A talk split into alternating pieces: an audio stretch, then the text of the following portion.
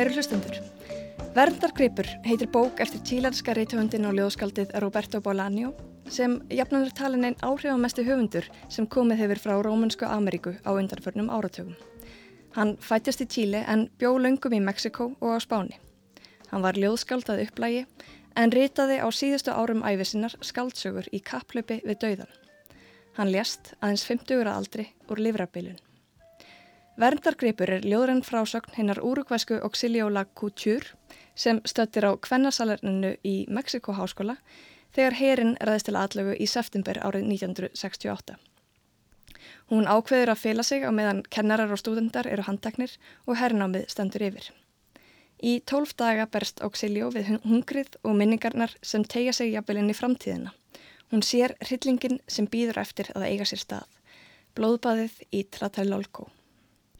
Verndargripur er myrkur en ástriðu fullur lofsengur til ungdómsins, löðlistarinnar og Mexikoborgar.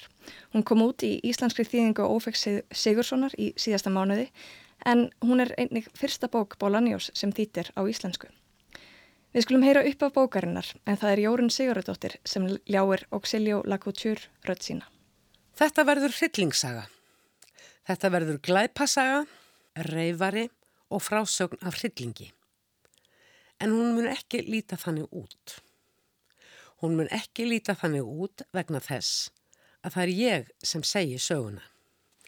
Ég er svo sem talar og þess vegna mun hún ekki líta þannig út. En undir niðri er þetta saga um skelvilegan glæp. Ég er vinkona allra Mexikana. Ég gæti sagt, ég er móðir meksikanskrar ljóðlistar en betra er að láta það ósagt. Ég þekka öll skáldin og öll skáldin þekka mig. Þannig að ég gæti alveg sagt það. Ég gæti sagt, ég er móðurinn og blæs útsinningi andskotans í aldaraðir en það er betur látið ósagt. Ég þekkti Arturito Bellano þegar hann var 17 ára feiminn krakki sem skrifaði leikúsverk og ljóð og kunna ekki að drekka en það er þá einhvern hátt óþarfa endurtekning.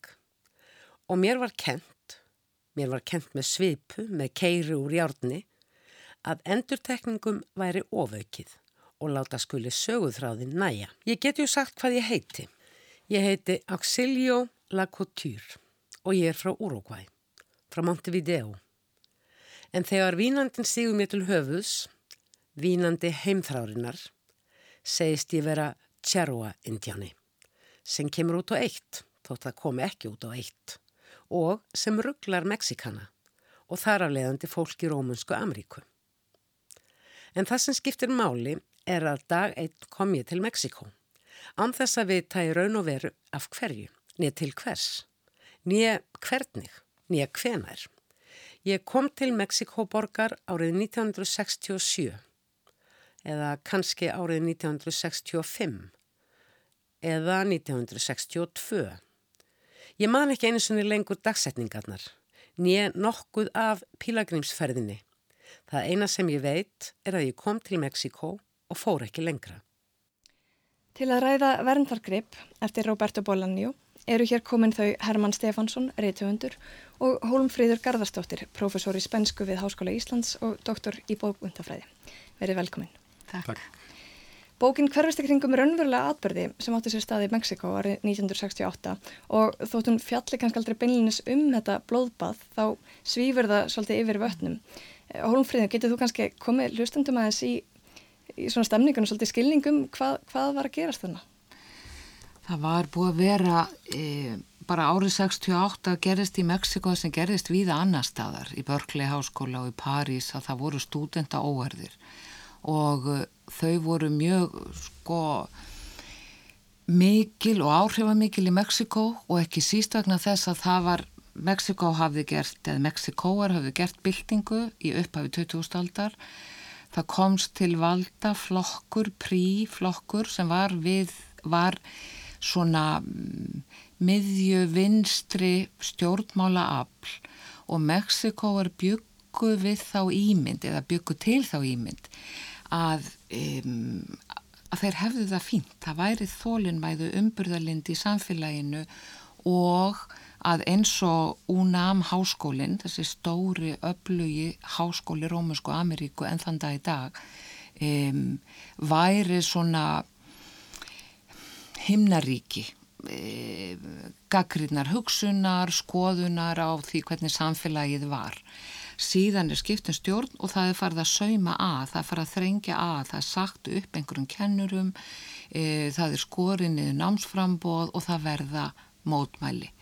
Og við verum að hafa í huga þetta er auðvitað í eftirstríð, e, nei, kaldastríðinu og byltingin á Kúbu hefur átt sér stað, það er ofbúslega mikil undir alda um alla Rómunsku Ameríku.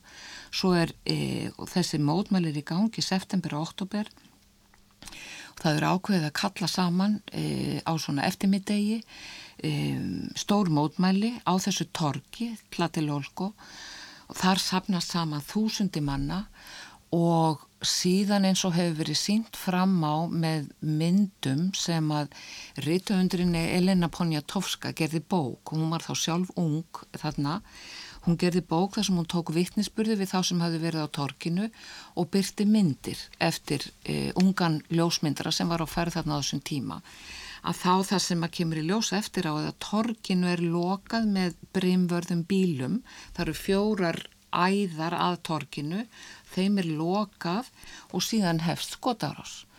Og það ber engum alveg saman um hvernig þetta gerðist. Mm skemmtilegasta sagan finnst mér eins og þá þetta sé náttúrulega engin skemmtisaga er að það hafi verið menn upp á byggingum í kringum torkið að þeir hafi verið með sko kvítan hanska og annari hendi og bissu í hinni og þeir hafi byrjað og síðan hafi lauraglan og herin komið að þessum e, þessi skotárás En, en hverju voru þessi menn þá?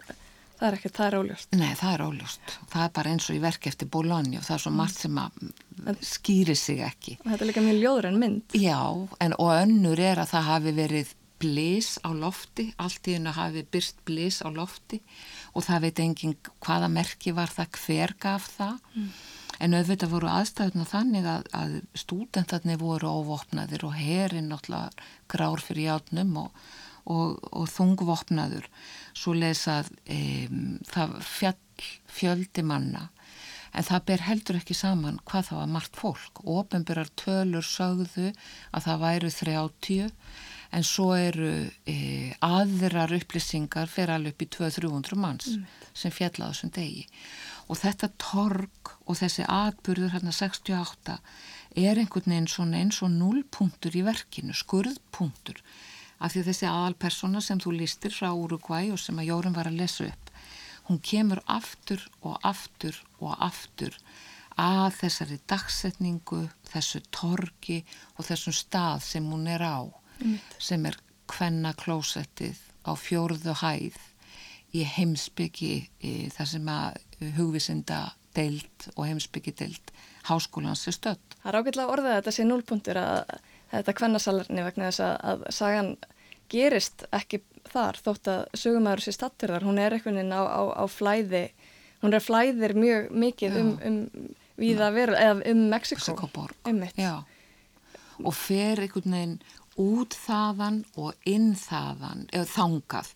Þegar hún þarf einhvern veginn og, og ég upplifði einhvern veginn eins og þar sé þetta öryggi, það er einhver það er einhver stað, það, þetta er hennar öryggi meðan á uh, þessum óreiðum, uh, óerðum öllum stendur. Já, það er ekki mikið óeryggi, hún, hún hérna, er náttúrulega fast hann inn í þessum tíma á kvennaklósutinu í, í heimsbyggjadeildinni og, og nota tíma hún með ljóðabók sér í, sér í hönd Já.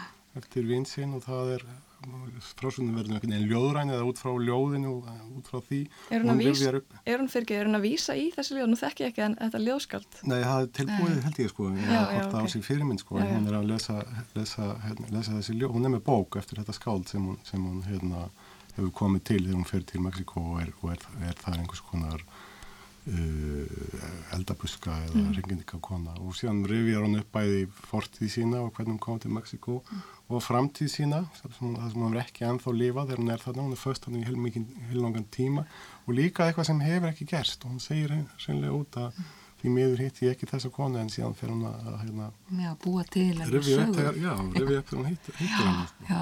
En hver, hver er þessi kona? Er svo, hún er með svo sterkar tengingu við raunveruleikan og svo þessar raunverulega atbyrði en samt svo skáldleg og, og einmitt er að skálda eitthvað atbyrði fram í tíman á hverju byggir hann þessa hugmynd? Já, hún, er, hann kalla hana, hún kalla sér sjálf móðir allra meksikanska skálda uh, Ég hef séð að hún eigi sér fyrirmynd í, í, hérna, í vinahópi sem Bolaño umgegst í Mexiko á þessum tíma og, og svo hef ég, hef ég einhverstað að segja líka að það hafi í raun og veru einhver kona verið lokast inn á þessu, já, já, af því mér finnst senan algjörlega óborganleg þegar hún er á klósettinu því að lætin í kring heyrast, skarkalinn, skotin og svo einhverju sem ganga í hermannaklossum inn og hún dregur upp fæturnar, er í plíseriðu pilsi og með brókina niður um sig og maður sér einhvern veginn að sitja þarna og ímynda sér þú getur ekki anda, það má ekki heyrast. Þú vilt ekki láta vita af þér. Og það er annars vegar öryggið að vera þarna og um leið óöryggið og ógunnin sem er allt í kring. Þannig að mikið varnarleysi með því að gera karakterinn að konu, finnst mér. Og svo er þessir hermenn einhvern veginn þú veist, hún er nærbuksunar niður sig og, og einmitt. Já, já, er... og svolítið verða er samt einhvern veginn en svo er hún samt miðjusett í allri skálsugunni, öllu verkinu er hún aðalpersonan og er svo sem er sterk. Það er einhvern veginn alveg sama hvar hún er. Hún er svona... Hún er töffari sko. Já, hún er töffari og hún er annarkort, hún er fyrst einhvern veginn kynnist með henni eins og Bóhem sem hefur komið frá Uruguay kannski til að fara í nám í þessum flotta háskóla sem UNAM er en svo er hún samt ekki námsmaður. Hún er alltaf, hún er þarna alltaf en hún er alltaf að gera eitthvað annað. Hún vinnur og hún er já. ekki í vinnu. Ég tenk að hún komi í algjöru tilgangsleysi þannig til Mexiko hún er ekki að fara í nám, hún er ekki að fara að vinna hún er bara að koma fyrir skálskapin hún er að mm. koma af því að uh, ljóðlist skiptir máli og þessi skáld þarna í Mexiko fyrir einhverja músu eða eitthvað sko. það er ekkert skýrt sko. og henni finnst það algjörlega sjálfsagt að, að, hérna, En svo veikur aðtegli mína í, í þessari bók er sinni vísa til úrugvaska skálkonu sem heitir Juana de Iramburu og e, eða heitir Hétt, hún er e, sérst fjall frá 1979 og verkin hennar voru mikið lesin en þau eru einhvern veginn eins og mér finnst þessi persóna vera hlý en fjarlæg Mm. Þú þekkir hana aldrei alveg að því hún er alltaf að tala bara um það sem hún er að gera og hvert hún er að fara, hverju hún er að hitta, hvað aðrir segja og hvernig aðrir einhvern veginn og svo hvað hún hugsar. Þannig að þú, þú, þú er nálagt innan samt fjari. Kanski svolítið eins og, og, og mæ, ljóðmælandi í ljóðun. Já. Já, það er alveg eðlert allan að hann, það kannski er ljóðlistinn kvenkinn sko en, en, en hann byrjaði Bálanjó byrjaði og var lengi vel framann af ljóðskáld sko, og heldur því einlega kannski áfram alltaf tíð. Og hans uppáðskáld var Nikona Parra hérna, sem, sem hérna, er, já, hann er, hann er þessari Parra fjölskyldu frægu og hann er ennþá lífandi er ekki? Og, og, hérna, 100 ára eða já, 100 ára eitthvað og alltaf jafn mikil uh, hann er svona tilhörnaskáld og kæftaskur og, og Gallremba, ótrúlega Já, og er náttúrulega frægur fyrir það sem kallað er andljóð, antibóisía og hann var alveg með svona hugmyndur um það hvernig ljóðlist átt að vera framústefnu, róttakar framústefnu Já, og, en samt með svona söður amerískum, það sem hann kallaði kriólísk mm. e, vildi færa ljóðlistina heima, hún væri ekki endurgerð evróskara sagnahefðar eða evróskar ljóðahefðar heldur að hún flytti heim og, og tæki miða af hann þessu flyt, veruleika. hann flyt, flyttur sín ljóð líka svona með, úr því við erum að tala hér á, á deginn þegar, þegar Bob Dylan fær, fær hérna, hann flutningurinn skiptum talsum máli Já. og músikinn sko. Mm. hann er mjög músikalskur hafundur hann bóra hann þetta er Mús, músík. Og, og fyrir, fyrir mig sem er ekki sérfræðingur í, í söður-amerísku bókmyndum þá, þá greip þessi bók mig einmitt sérstaklega vegna þess hvað hva, hva frásagnamátin var ólíkur því sem ég hef vanist hinga til. Hann mjög ljóðræn og myndi miklu frekar á ljóð heldur en svona einhverja heilstifta uh, skáldsögu. En, en Bólanja var uppaflega ljóðskáld eins og þú segir Herman og, og hann notar sannlega óleika stíla og, og það var sagt um hann í New York er að hann var ekki mikil stílisti sem að Ófegur Sigursson vildi ekki skrifa undir þýðandin en á við skulum áður en lengra haldið uh, heyra hann lýsa því hvernig var að þýða Bólani og með tilliti til ólíkar stíla sem hann stiðst við? Hann er kannski ekki sagna maður, hann er miklu uh, ljóðrætni en hann er vissilega sagnalistin á, á sínu valdið. Það er mikið flæði en hann, er, hann byggir skálsuðu sínar rosalega flott upp og hann býr til sínar eigin byggingar og sínar eigin formúlur. Hann fer ekki eftir neinum og hann bara gerir það sem hann sínist og, og það bara svínviskar.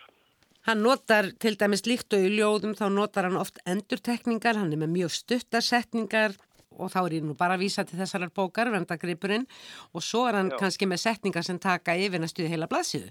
Sko, hann er ekki bundin nefni aðferð nema sinni eigin og það er svo margt sem ræður hvernig málskurinn eða setningar byggðu upp. Það er bæði sko, áhrifin sem að þú vilt fá fram og tilfinningin í frásögninni eða, eða efniviðinum og um, hann hefur nú orðið mest fyrir áhrifin frá Borges sem var mikið fyrir upptalningar.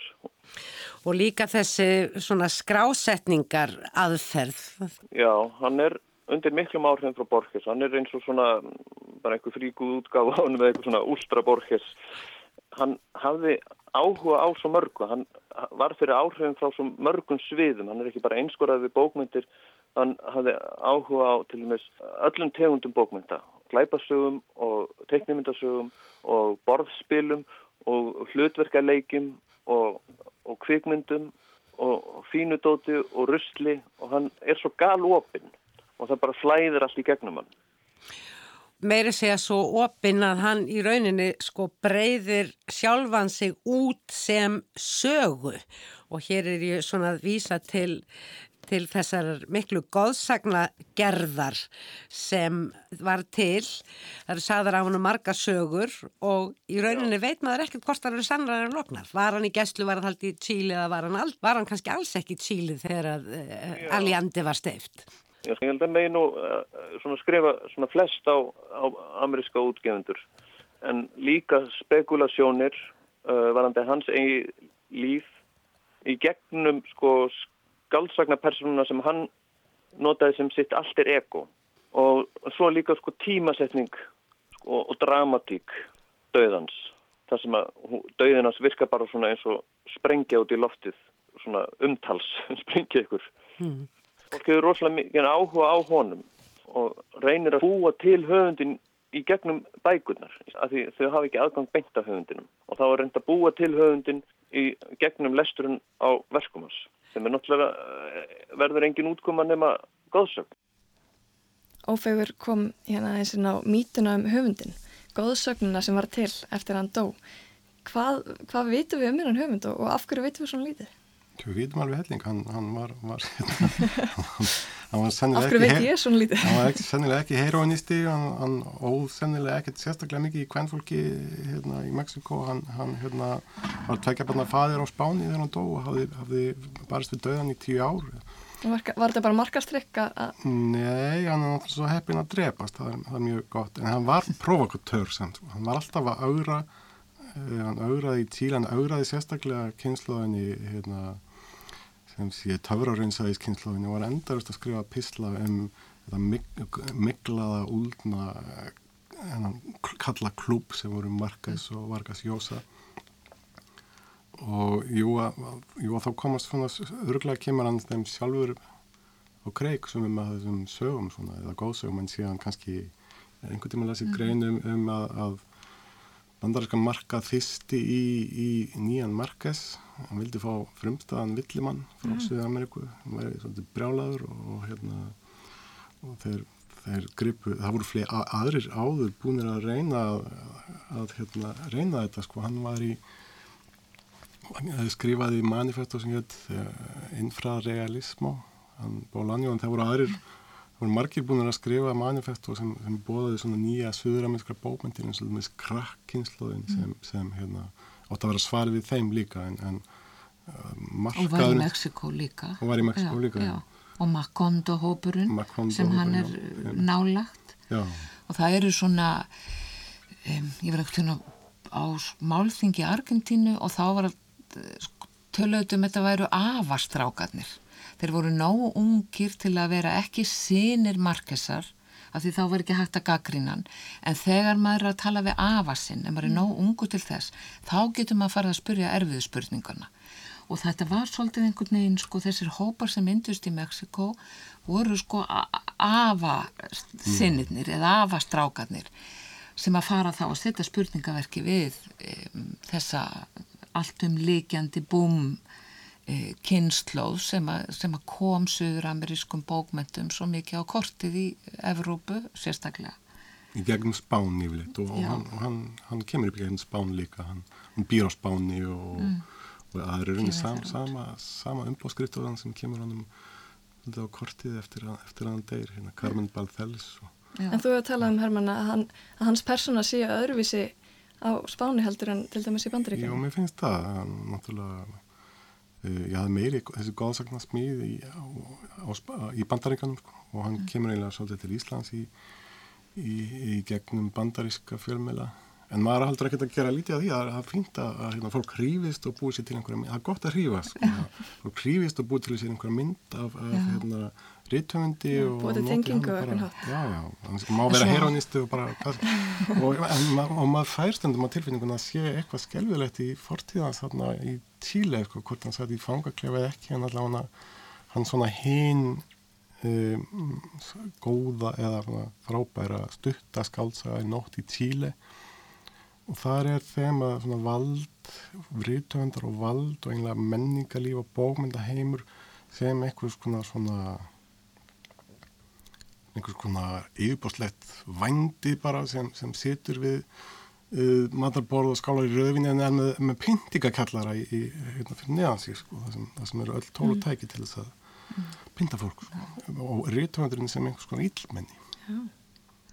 En svo er ímyndansir líka margvísleg um, af því að eins og í Rómunsku Ameríku þar er annars vegar líta argentínskir fræðimenn eða gaggrínendur svolítið á hann sem svona lærisvenn Borgesar og eins og uh, ófegur vísaði í, hann, hann er mjög, það, það er margt líkt með verkum begja og meðan að tílimenn um, tók hann ekki sem tílenskan, þeir lita á hann sem hann tilheyrði öðrum og kannski þessum meksikósku hópum sem að hann auðvitað starfaði mjög nái með og tók þátt í, lita á hann sem um, annarslags, hann var ekki í Tíli þegar að þeir sem ekki fór í útlegð e, voru heima og voru að reyna að lifa af og skrifa undir herfóringastjórninni og litu á, þetta, litu á sig sem svona réttmætari tíleanska rött mm. heldur en hann þannig það voru líka svona agnúar í samskiptu mentamanna og hann er bara, bara persóna non grata í Tíli þannig að Já, lengi og það er spurning núna hvort þeir eru svona aðeins að jafna sig á þessu. En hann var alltaf að augra og gerði, svona talaði illa um Isabella Allende og þóldi ekki þessa, þessa töfrar eins að kalla. Nei, nei. En þessi bók, hann er greiðilega vel lesin, maður, hann vísar í ótal höfunda í, í þessu verki verðandagripur. Já, kemur hann að skemmtilegu spásanakabli, þess að hann spáir fyrir framtíðum, framtíð, eða hún Já. spáir fyrir um framtíð ótal rítöfunda en ég, ég, mér kannski verðan að finnst hann vera jafn mikið afkomandi kortáþarsar og, og, og hérna borgarsar sko. þessi, þessi bók er það er meiri uppsetningun er það ekki? í, í byggingunni já byggingun og verkinu. Jú, það er eins og Rajuela sem er alltaf stórverki kortasar hún er mjög þessi bók er, er sem sé afleggjari úr annari miklu lengri bók hérna Villisbæjurunum detektífið Salvajes og mér finnst hún vera mjög lík hérna, mm. Parísarleik eftir Julio Cortázar sem er, er svona, svona hópsaga, ljóðurræn sem gerist í París og fjallar um, um hérna, ja, listamenn og ljóðskáld sko. mm. nákvæmlega eins og Detektíð Selvakkes og hún er, þessi Auxilio er líka persóna þar og þar er þessi saga sáðu líka á og hann svona hlýðar sjálf í þessari bóka eða hlýðar sjálf hans Arturo Bellana hann er líka í í henni bókinni, henni bókinni sko. en það er samt eitthvað við allar þessar personur sem að þær hafa allar orðið fyrir einhverju. Stundum veit maður hvað það er en oft ekki, það er einhver svona skaði sem fólk hefur. Og mér er það með Auxilio í þessu verki hún er einhvern veginn sko ekki alveg heil.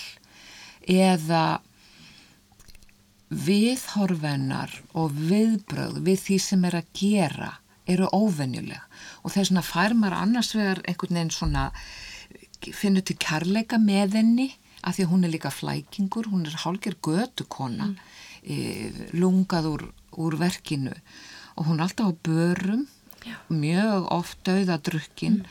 og áfengi er líka eitthvað svona verkfæri inn í verkinu til þess að skiptum tilverustig Mm. Þú lapar inn á bar, það fyrir einhver umræði í gang og síðan fer umræðan á einhvert stað sem er órömmverulegur og af því að allir eru fullir þá skilum maður það. Maður nær sambandi við hennan órömmveruleika því maður veit að það er það sem áfengi gerir. Mm. Það opna fyrir einhverju flóðgáttur sem að og þetta, og þetta kemur aftur og aftur og hún er ekki bara svo sem er full að þvælast einhver staðar. En, en hún er, er fallið persóna að mörgu leiti og þið talaðum um þessu sterk og, og, og svona kjarnakona, kjarnakvendi en svo er hún líka að, að kljást við þetta í sífellu að það vandar hérna framtennar og hún heldur alltaf fyrir munin þegar hún talar og það er eitthvað svo einlegt og fallegt við það eitthvað hvað hún samt skamma sín fyrir það líti eins og maður einhvern veginn upplifar hana sem mannesku sem myndi ekki skamma sín fyrir neitt. Já, mm.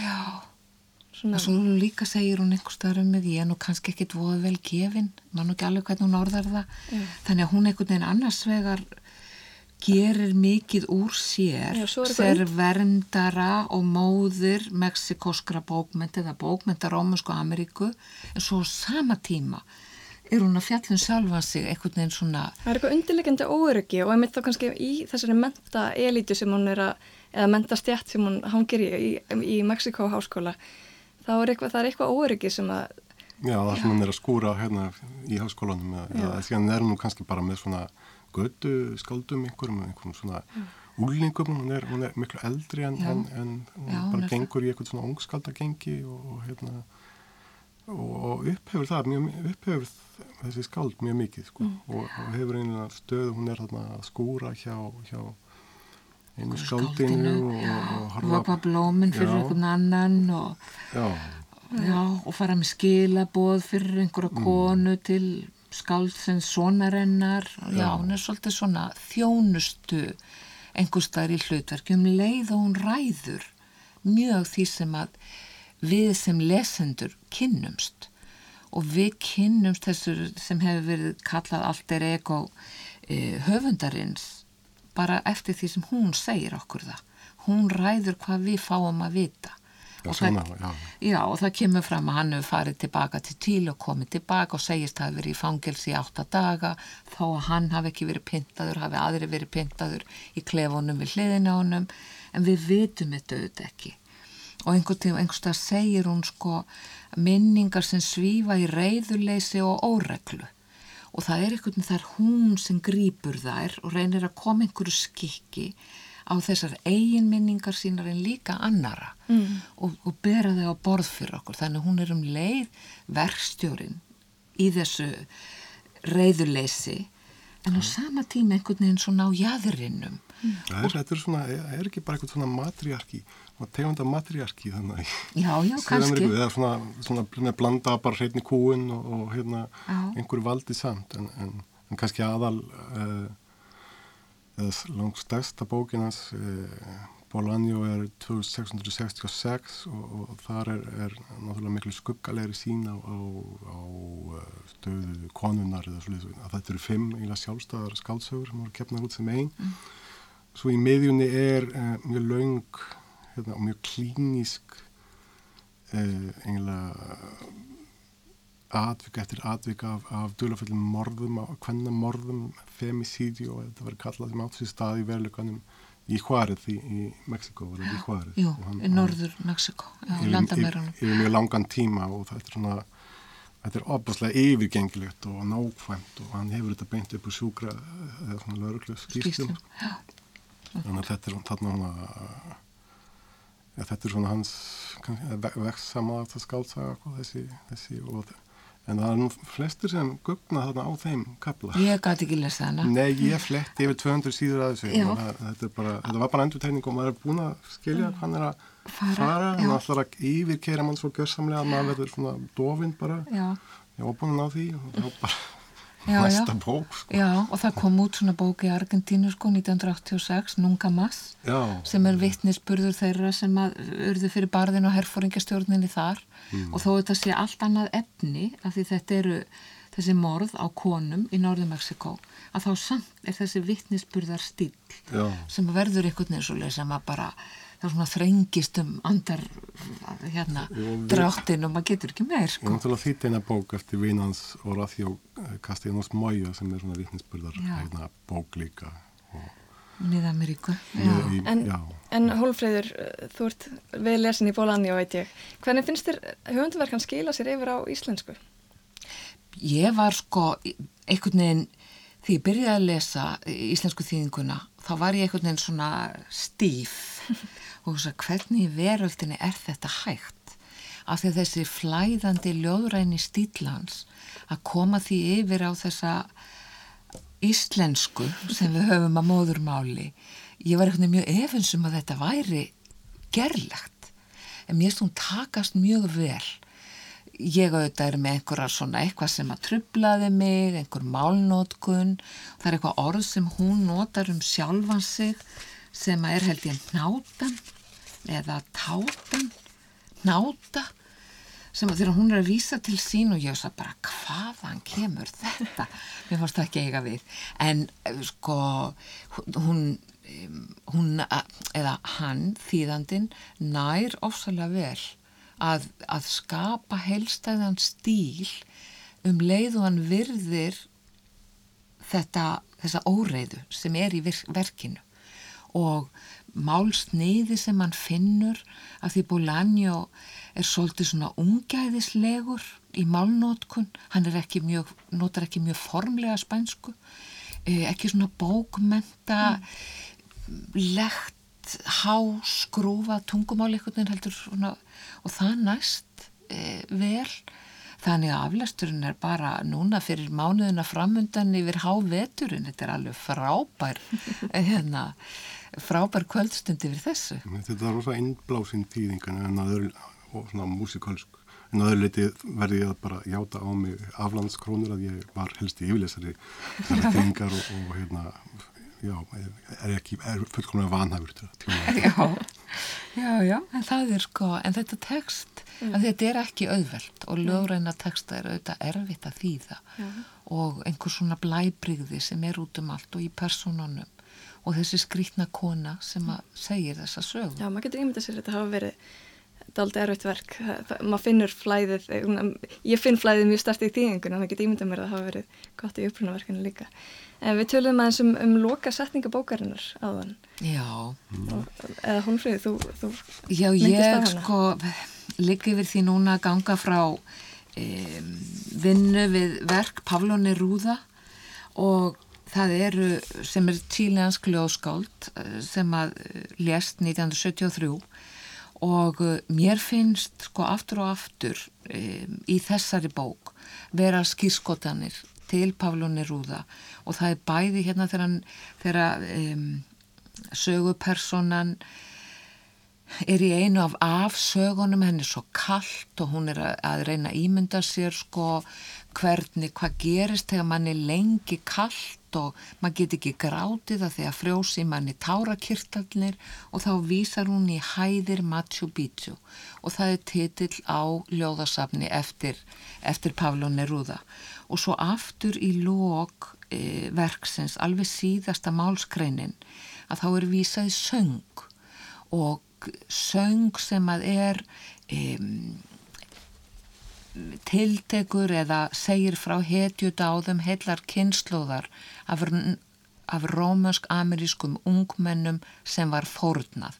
Og síðasta um, setningin er og þessi söngur er okkar vendagripur og það er hér sem er vísað í titilinn og fyrir mér er það kom út ljóðasafn eftir Pablo Neruda Canto General sem er svona óður til Rómunsku Ameríku, bæði náttúrunnar og fólksin sem þar býr og fólksin sem þar hefur búið í uh, um uh, árhundruðin og ég neginn sá fyrir mér að þetta væri einn tilvísunin enn mm. af því að Bolaño er aftur og aftur og aftur í svona intertekstualiða að hann er með tilvísanir í bókmentaverk annara, bæði beint og óbeint og mér fannst einhvern veginn blasa við að Já. þetta væri mm. e, skýrskotun í, í Pavlo Neruda og þessa e, þessa sameinlega sögu og þó hann hafi sagt hann eigi ekkit heimaland að konun hans og börnin hafi verið heimalandið hans Já, að því hann hafi